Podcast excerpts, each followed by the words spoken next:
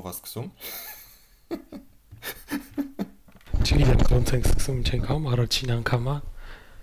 օթաչուային վերսիան, օթաչուային տարբերակ։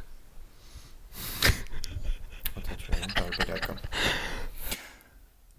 Շատ ուրախ ենք, որ ձեր ժամանակը տրամադրել եք լսելու մեր ոդկոստը։ Շատ շնորհակալություն։ Այո։ Հուսով ենք հետաքրքիր կլինի։ Մենք մի քանի թեմաների մասին մեր կարծիքը կարտահայտենք։ Նախ երևի սկսենք նրանից ինչ է նշանակում podcast։ Ահա որ մեր լսողները լավ պատկերացնեն ինչ են լսում, ուղի են լսում ընդհանրապես։ Ամ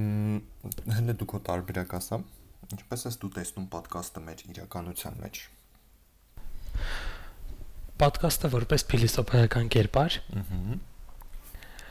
Ահա Podcast-ը աուդիո հեսա հեսա կձևակերպեմ իմ մտքերը հետաքրքրաշարժ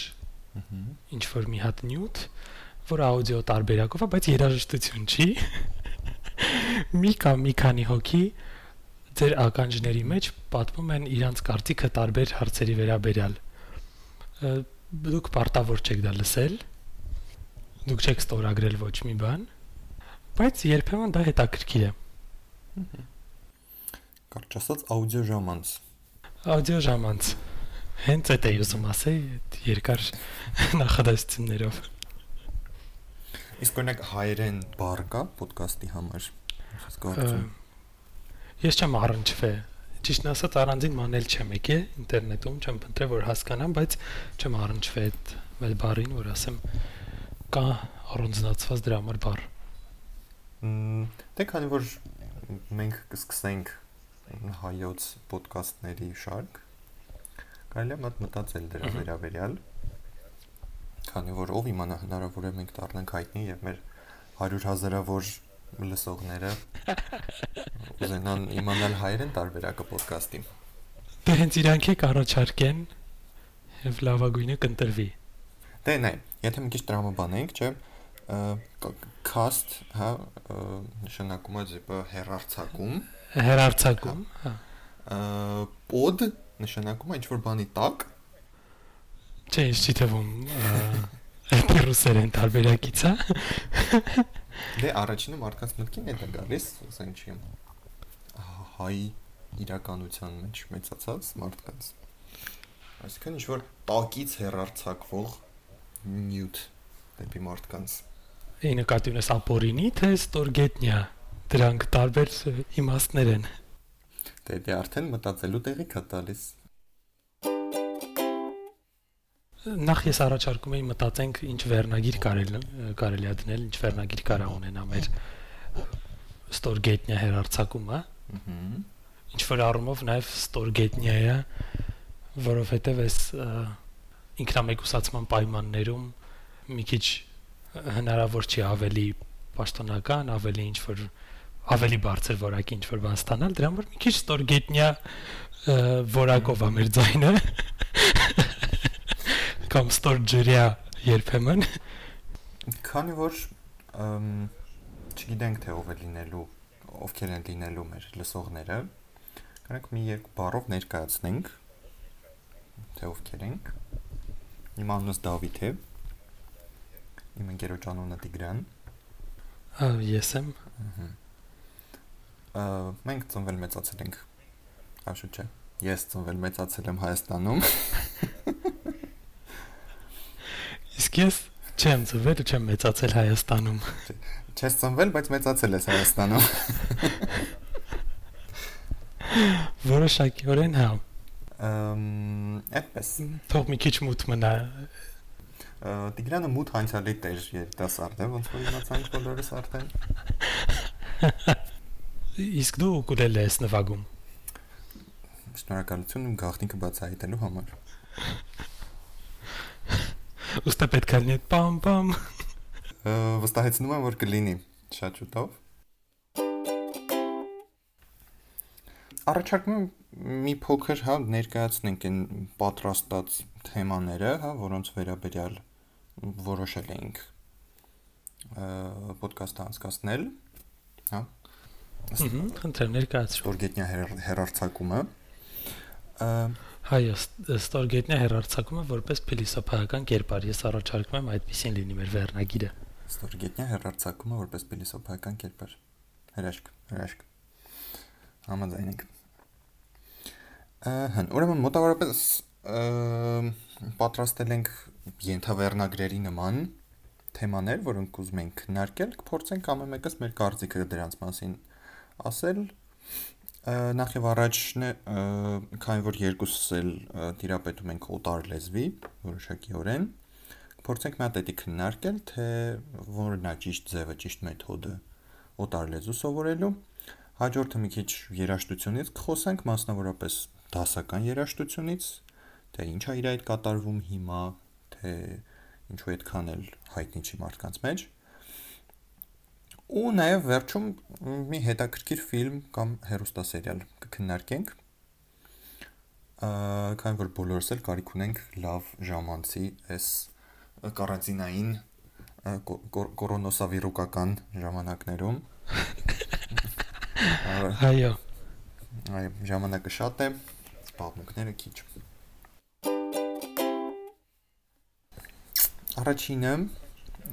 որոշակի լեզուներ սովորելու վերաբերյալ օրինակ ինչ լեզուների ես տիրապետում դու Տիգրան? Ես շատ կուզեի ասեի թվարկեի բազմաթիվ լեզուներ բայց տենց չի ես մոտավորապես տիրապետում եմ ռուսերենին ինչով չեմ զարմացնի մեր լսողների 100%-ին որովհետև կարծում եմ նախկին սովետ միության տարածքում ապրելը արդեն ինքնին երաշխավորում է որ դու այդ լեզուն ամենակիչը հասկանաս եթե ոչ խոսես բայց նաև մի փոքր փորձ ունեմ անգլերենի անգլերեն լեզվի հետ կապված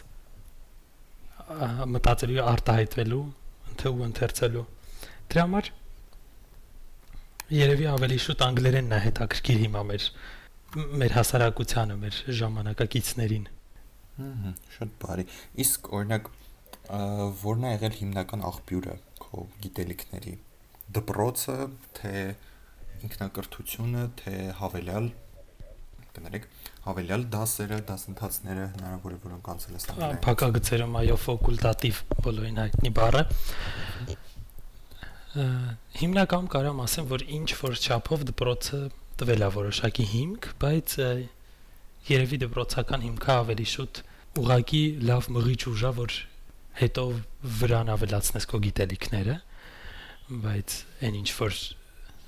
դպրոցում հնարավորություն ես ունենում սովորելու, երևի չի համեմատվի իրականում լեզուն իմանալու հետ, այդ գիտելիքները ոչ թե ուղակի բավարար չեն, որ դու խոսաս, այլ երբեմն նաև խանգարում են, որովհետև լեզուն շատ արագ շարժվում է առաջ, շատ ճկուն է, շատ արագ զարգանում է, բայց օրինակ մեր կրթական համակարգը ինքը այդքան արագ չի զարգանում հետեւաբար շատ հաճախ մնում է ավելի հետ անգնում են զարգացումից որ լեզուն է ապրում ինձ թվում է այն դպրոցական ծրագիրը որ հիմա ունեն հիմա կա ինքը ավելի շատ խանգարում է մարդկանց որ իրանք լեզուն սովորեն չնայած ինչ որ չափով նաև հիմք է կարելի ասել դու ինչ կասես հա հիշելով իմ կրթական փորձը անգլերենի դասերը իմ իմ հիշելով դրանք մենակ ինչ որ անհետաքրքիր վարժություններ էին որտեղ դու սենց տեքստը պետքա նայեիր ու այն տակը հարց կար ինչ որ այդ հարցի հետ կապված մի բան գտնեիր գրեիր որ դասատուին ցույց տայր քո երեքը դներ գնայր տուն իսկ ինչ վերաբերվում է ասենք խոսակցական ինչ որ բառեր սովորելուն եւ այլն հա այն པարզ բառեր արտահայտություններ չեմ ես դու նա գնալ գալ դրանք մոտավորապես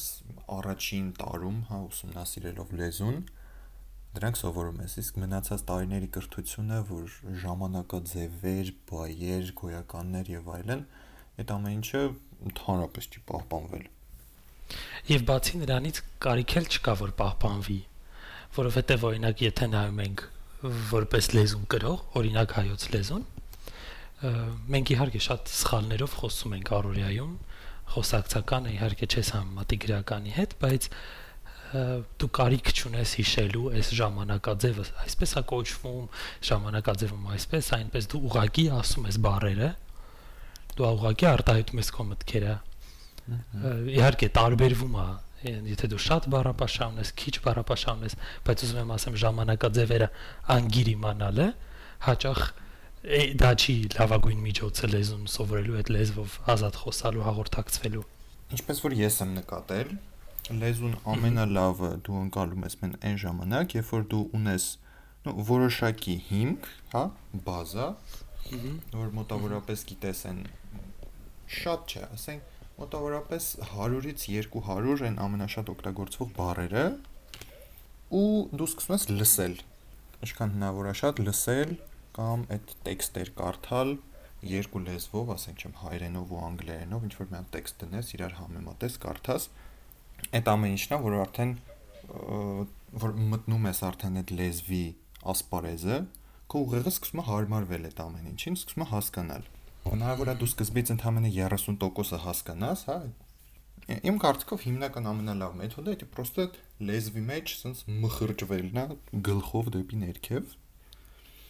Բայց իհարկե որոշակի հիմք ուսումնասիրելուց հետո էլի այն բազային բաները։ Հա, բայց նաև էքստրեմալ պայմաններում կարա այդ հիմքը նաև չլինի։ Իհարկե, եթե ծայրահեղությունների մեջ մի փոքր ընկնենք, Բայց եթե դու ուղակի տեղափոխվում ես մի տարածք, որտեղ մենակ այդ լեզվով են խոսում ու դու բացարձակ պատկերացում չունես, դու դու կսովորես այդ լեզուն։ Հաստատ։ Ու հիշելով նաև եւս մեկ անգամ դպրոցը, այնտեղ դասատուները վախացնում էին նրանով, որ ես անգլերեն կսկսեմ խոսալ դասի ընթացքում, խելոք պահեք, հայերենով չեմ բացատրի։ Մեր մոտ տենց բան չի եղել։ Չէ, մեր մոտ եղել է։ Ոնց մեր խելոք բայեք, թե չէ դասը անգլերենով կբացատրեմ, ոչ մեկ չկհասկանա, երկուս կստանաք։ Հիանալի մեթոդ։ Ադրենալինը բարձրանում է, սկսում ես լավ սովորել։ Հա։ Բայց երբեք դրան չէր հասնում իհարկե, որտեվ կասկածում եմ, որ դասատուն կկարենար 45 րոպե իր խոսքը դասավորեր անգլերեն լեզվով։ Ինչևից է։ Մի լեզվով, որը ինքը ընդհանրապես չի օգտագործում ու առհասարակ, որովհետև անգամ դասը բացատրում է անգլերեն, հայերեն, օրինակ Հայաստան կամ տեքստ միայն տեքստերը ընթերցելով, բառերը ստուգելով, բառերը հանձնարարելով իրոք հենց մասնագետներ կարա ժամանակի ընթացքում կորցնի իր լեզուն, կորցնեն հիմքը, ինչ որ եղել է ժամանակին։ Նաև ինչներ հետաքրքիր, երեք մի երիտասարդի հանդիպեցի, ով 8-րդ դասարանում էր սովորում։ Հետաքրքրվեցի ոնց է իրանց մոտ լեզվի, հա, դասերը ինչ որ բան փոխվել է թե չէ։ Հարցրեցի թե, ասենք օրինակ անգլերեն լեզուն, ասենք քանի հոգի են, որ լավ են սովորում անգլերեն դպրոցում։ Ասաց դե մոտավորապես երևի դասարանի 30%-ը, այն մնացած 70%-ը вообще չի հասկանում ինչի մասին է խոսքը։ Ինչա կատարվում է դասին։ Ասցի լավ, իսկ այն 30%-ից քո կարծիքով քանի տոկոսն է, որ ասենք կարդա անգլերեն կհասկանա կամ լստի անգլերեն կհասկանա։ Դե ասացին կարծիքով 1 կամ 2 հոգի։ Ու այն էլ չեմ կարծում, որ կենթանի խոսակցությունը կհասկանան 1 կամ 2 հոգի երեխաներից։ Լավ, անցնենք պրակտիկ խորհուրդներին, դա պրակտիկ խորհուրդներ, կոնկրետ գործողություններ, որ մարդ կարա անի ինքնամեկուսացման շրջանում իր օրիրակ անգլերենը բարելավելու համար։ Առաջին խորհուրդը իմ կողմից, եթե օրինակ ռուսերեն որոշակի հասկանում եք, կարդում եք, կարաք արևմտյան հերոստասերիալները կամ կինոները նայեք հենց օրիգինալ լեզվով ու ռուսերեն ենթագրերով, եթե չկան հայերեն իհարկե։ Ու օրինակ ես նկատել եմ, որ դա բավականին նպաստում է, որ ավելի լավ հասկանաս խոսակցությունը, ավելի լավ հասկանաս արագ խոսքը, տարբերես իրանց կպացնչունները իրարից։ Ահա ես էլ իմ խորհուրդը դնեմ, հա, այդ ամեն ինչի վրա։ Նաև ասեմ, որ ես երևի դրանից եմ սկսել անգլերեն լեզվի ուսումնասիրությունը,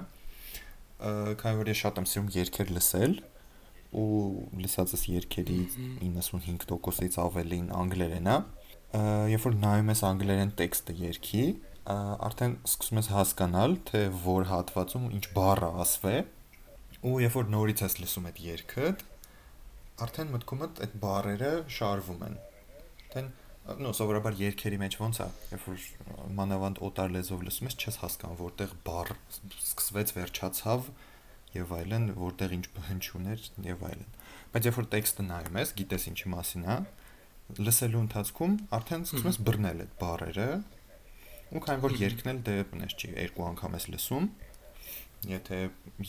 սիրելի երգ է միլիոնավոր հա 100 հազարավոր անգամներ կլսես ու արդեն այդ երգի մեջ են արտահայտությունները որոնք դու հիշեցիր բռնեցիր ամեն անգամ լսելուց արդեն դրանք կհիշես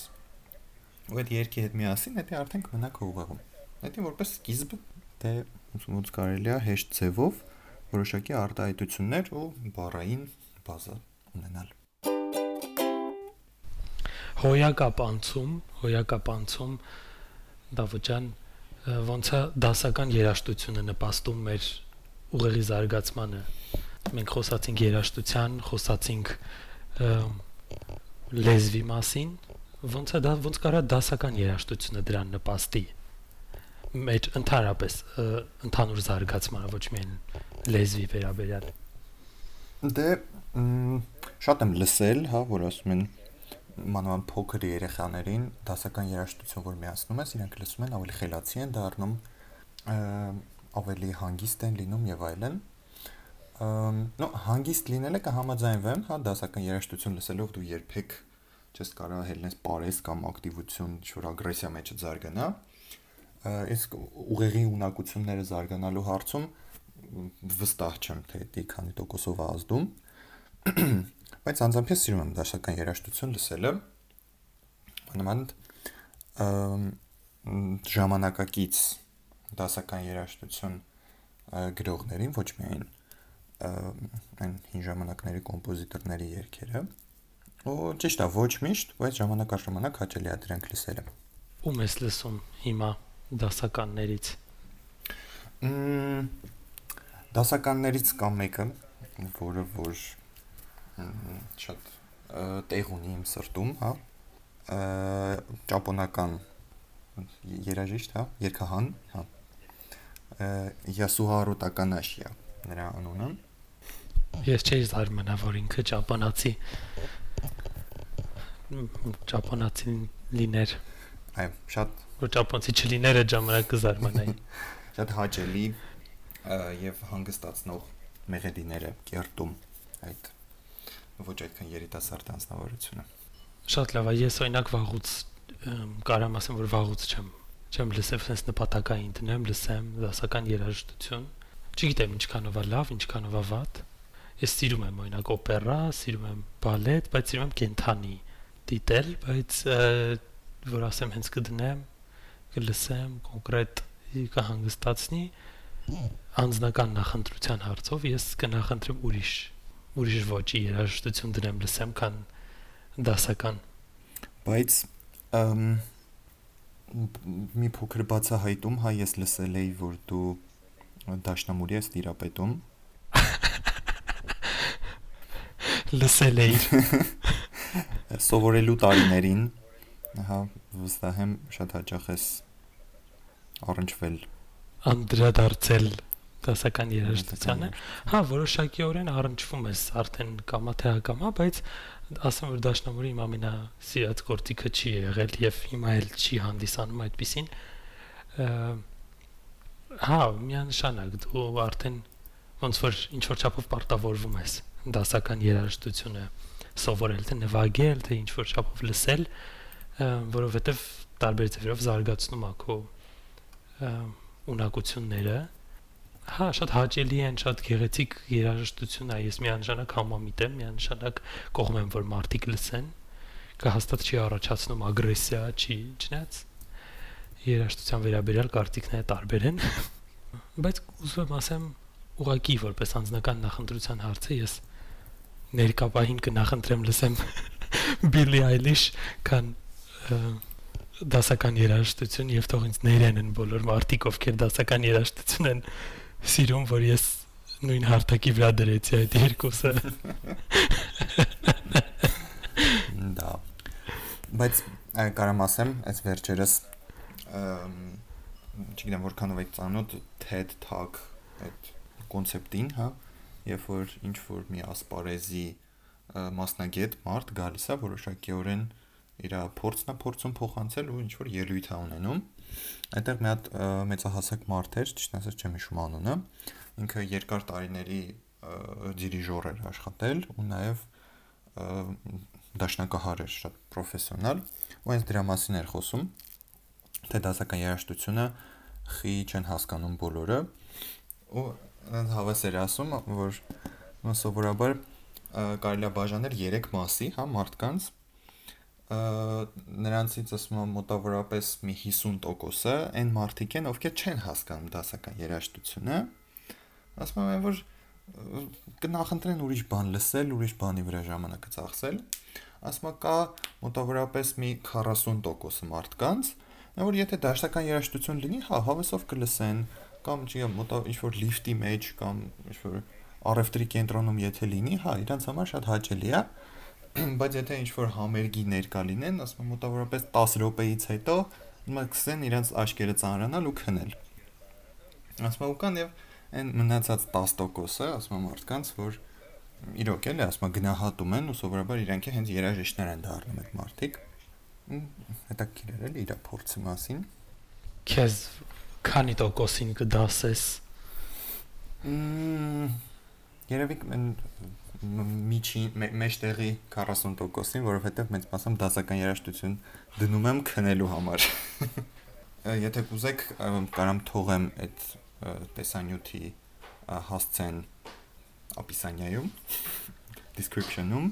նկարագրությունում, նկարագրություն։ Հետագայում դիտելու համար։ Եվ մի փոքր օրինակ կարող ես հարց քեզ Տիգրան հիշել որն էր ամենաշատ քո սիրած կատարումը դասական եթե կա այդպեսին իհարկե չեմ կարող ասեմ կոնկրետ ինչ մի կոնկրետ sense ասած երաժշտություն մի կոնկրետ ինչ որ կատարում պիեսա արիա բայց կարամ ասեմ որ շոպենին էի շատ սիրում որպես կոմպոզիտոր ու իր հենց իր գրած երաժշտությունն էի հաճախ նվագում իր երաժշտության վրա եմ սովորել, բայց բայց որ որ առանձնացնեմ իրականում նախ շատ շուտ էր վաղ անցյալում давно и неправда բարի բարի մի խոսքով լսեք դասական երաժշտություն շատ լավ է ու շատ զգացմունքային է ի տարբերություն ներկայիս ժամանակակից երաժշտության բազմազանությանը, որը հաճախ ուղակի ոնց որ փող աշխատելու նպատակներով է ստեղծվում այսպես անվանենք էլի հա ասենք սովորական երկերը իրանք քեզ փոխանցում են կամ ինչ որ էմոցիա ինչ որ ինֆորմացիա կամ ուղակի քեզ ժամանց են ապահովում իսկ դասական երաժշտությունը կարելի ասել ասենք երկը գրողի, հա երկհանի զգացմունքներն է քեզ փոխանցում։ Դե շատ մարդիկ կվիճեն, կասեն ներկայիս երաժշտություն երկերն էլ ոչ միայն երաժշտությունը փոխանցում են գրողի ապրումները, ամեն ինչը զգացմունքները, բայց Բայց դե բարերով են հիմնական փորձում փոխանցել։ Ես հենց այդ եմ ուզում ասեի։ Մի բան է ինչ բարերով դու փոխանցես, մի բան է ինչ ուղագի երաժշտությամբ։ Դրա համար հա շատ ավելի կարելի է շատ ավելի խորը համարել երաժշտությունը, բայց վիճելի հարց է։ Շատ վիճելի հարց է։ Երկն էլ է ինքը շատ հաճելի է ու շատ խորը ու զգացմունքային կարա լինի։ Բարիով, բարիով։ Բարերով։ Տավո։ Այո։ Ինչ ես նայել վերջերս։ Ֆիլմերից թե հեռուստասերիալներից առհասարակ ինչ հետաքրքիր կարա հերոստա հաղորդում լինի կարա հերոստա սերիալ հոդված հերոստա հոդված չէ հոդվածը հետաքրքիր կարդացել ճիշտն ասած այս վերջին շաբաթը մի հատ հին, ну, շատ հին չէ, բայց բավականին ոչ ժամանակակից մուլտսերիալը վերադարձել ու եւս մեկ անգամ ուզում նայել, սկսել նայել։ Ну, погоди. Չէ։ SpongeBob։ Эм, չէ։ Ռիկի Մորտի։ Դե դի սուպեր ժամանակակից է։ Ամ վստահ եմ դու էլ նայած կլինես փոքր ժամանակ ավատարը Հա, կ- ոչ կապույտ մարդիկ, բայց սլակով տղեն։ սլակով տղեն այ հենց Ճիշտ ասած մի հատ հանդիպեցի մի հատ վիդեո YouTube-ում որը մի քիչ sense փիլիսոփական տեսանկյունից էր այդ մուլտֆիլմը քննարկում դե էդի ես նայել եմ մոտավորապես եւ 10 տարի առաջ եթե չխափեմ Ե- Ես սովորաբար եթե նման վիդեոներ եմ տենում, որ փիլիսոփայական տեսանկյունից են ներկայացնում, միանգամից որոշում եմ չնայեմ։ Չնայեմ այդ հեռուստասերիալը, այդ ֆիլմը։ Չէ, որպես գեղարվեստական իր կամ արտադրանք, հա, այդ տեսանկյունից նայել, բարձր ինչ որ մեծ միտք քեզի չի կարա փոխանցի, որ քո կյանքը իմաստավորի, հա, այդ մուլտֆիլմը, Ահա, բայց ուղղակի շատ հետաքրքիր էր, որ չնայած ես հիմա նայում եմ, որ ինքը դուրս եկել 2005 թվականին, բայց ինքը շատ հետաքրքիր ձևով թե երեխաներին փորձում է կյանքի խորհուրդներ տալ, հա, այնտեղ մի հատ կերպար կա, այնց մեծահասակ հոպարա,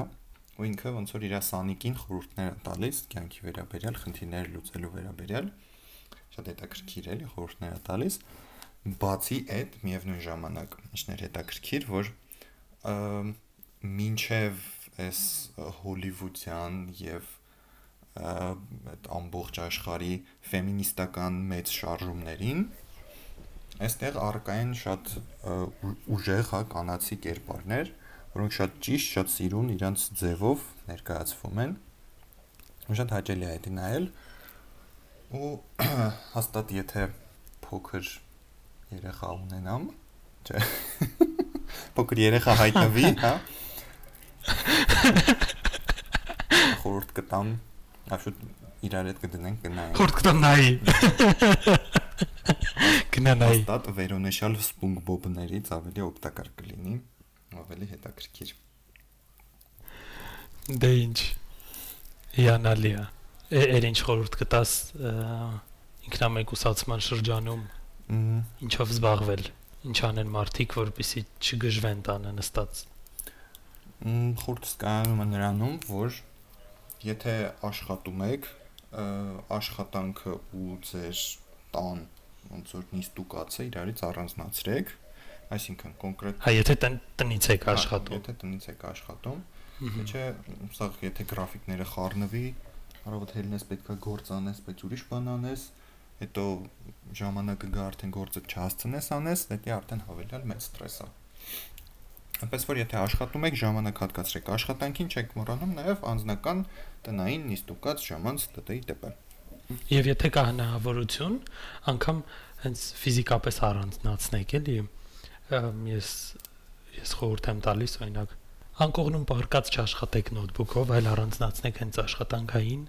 որպես անկյուն, սենյակում հանգստի անկյուն, որովհետև ուղեղն էլ ինքնին տրամադրվում է կտրամ աշխատանքի անկյունում կտրամադրվի աշխատանքի վրա, հանգստի անկյունում հանգստի ամեն ինչը պետք է հաշվի առնել շատ ջուր խմեք ու միրգ կերեք Նաև ֆիզիկական ակտիվությունը ինչքան հնարավոր է տան պայմաններում պահեք։ այո ու մնացեք տանը դուրս մի եկեք անկախ նրանից որ կարելի է դուրս գալ հնարավորության դեպքում իհարկե ծայրահեղ դեպքում դուրս եկեք խիստ անհրաժեշտության ու խիստ կարիքի Մ, #stay home Ահա։ Եթե ավելացնելու բան չկա, կարծում եմ այսօրվա համար այսքանը։ այո ստորգետնյա հերարցակումը որպես փիլիսոփայական կերպար Այսօր ավարտվեց առաջին թողարկումը Ստորգետնյա հերարցակման որպես փիլիսոփայական կերպար հաղորդման։ Շնորհակալություն բոլորին ուշադրություն դարձնելու համար։ օթաչուային տարբերակը տեսնենք ոնց կլինի հետևանքը ոնց կլինեն արդյունքները։ Okay։ Արձագանքեք, եթե ձեզ դուր եկավ, չգիտեմ, որտեղ մի բան գրեք, ինչ որտեղ ինչ որ բան գրեք, Այդտեղ մի բան գրեք էլի։ Դե ինչ, վերջ։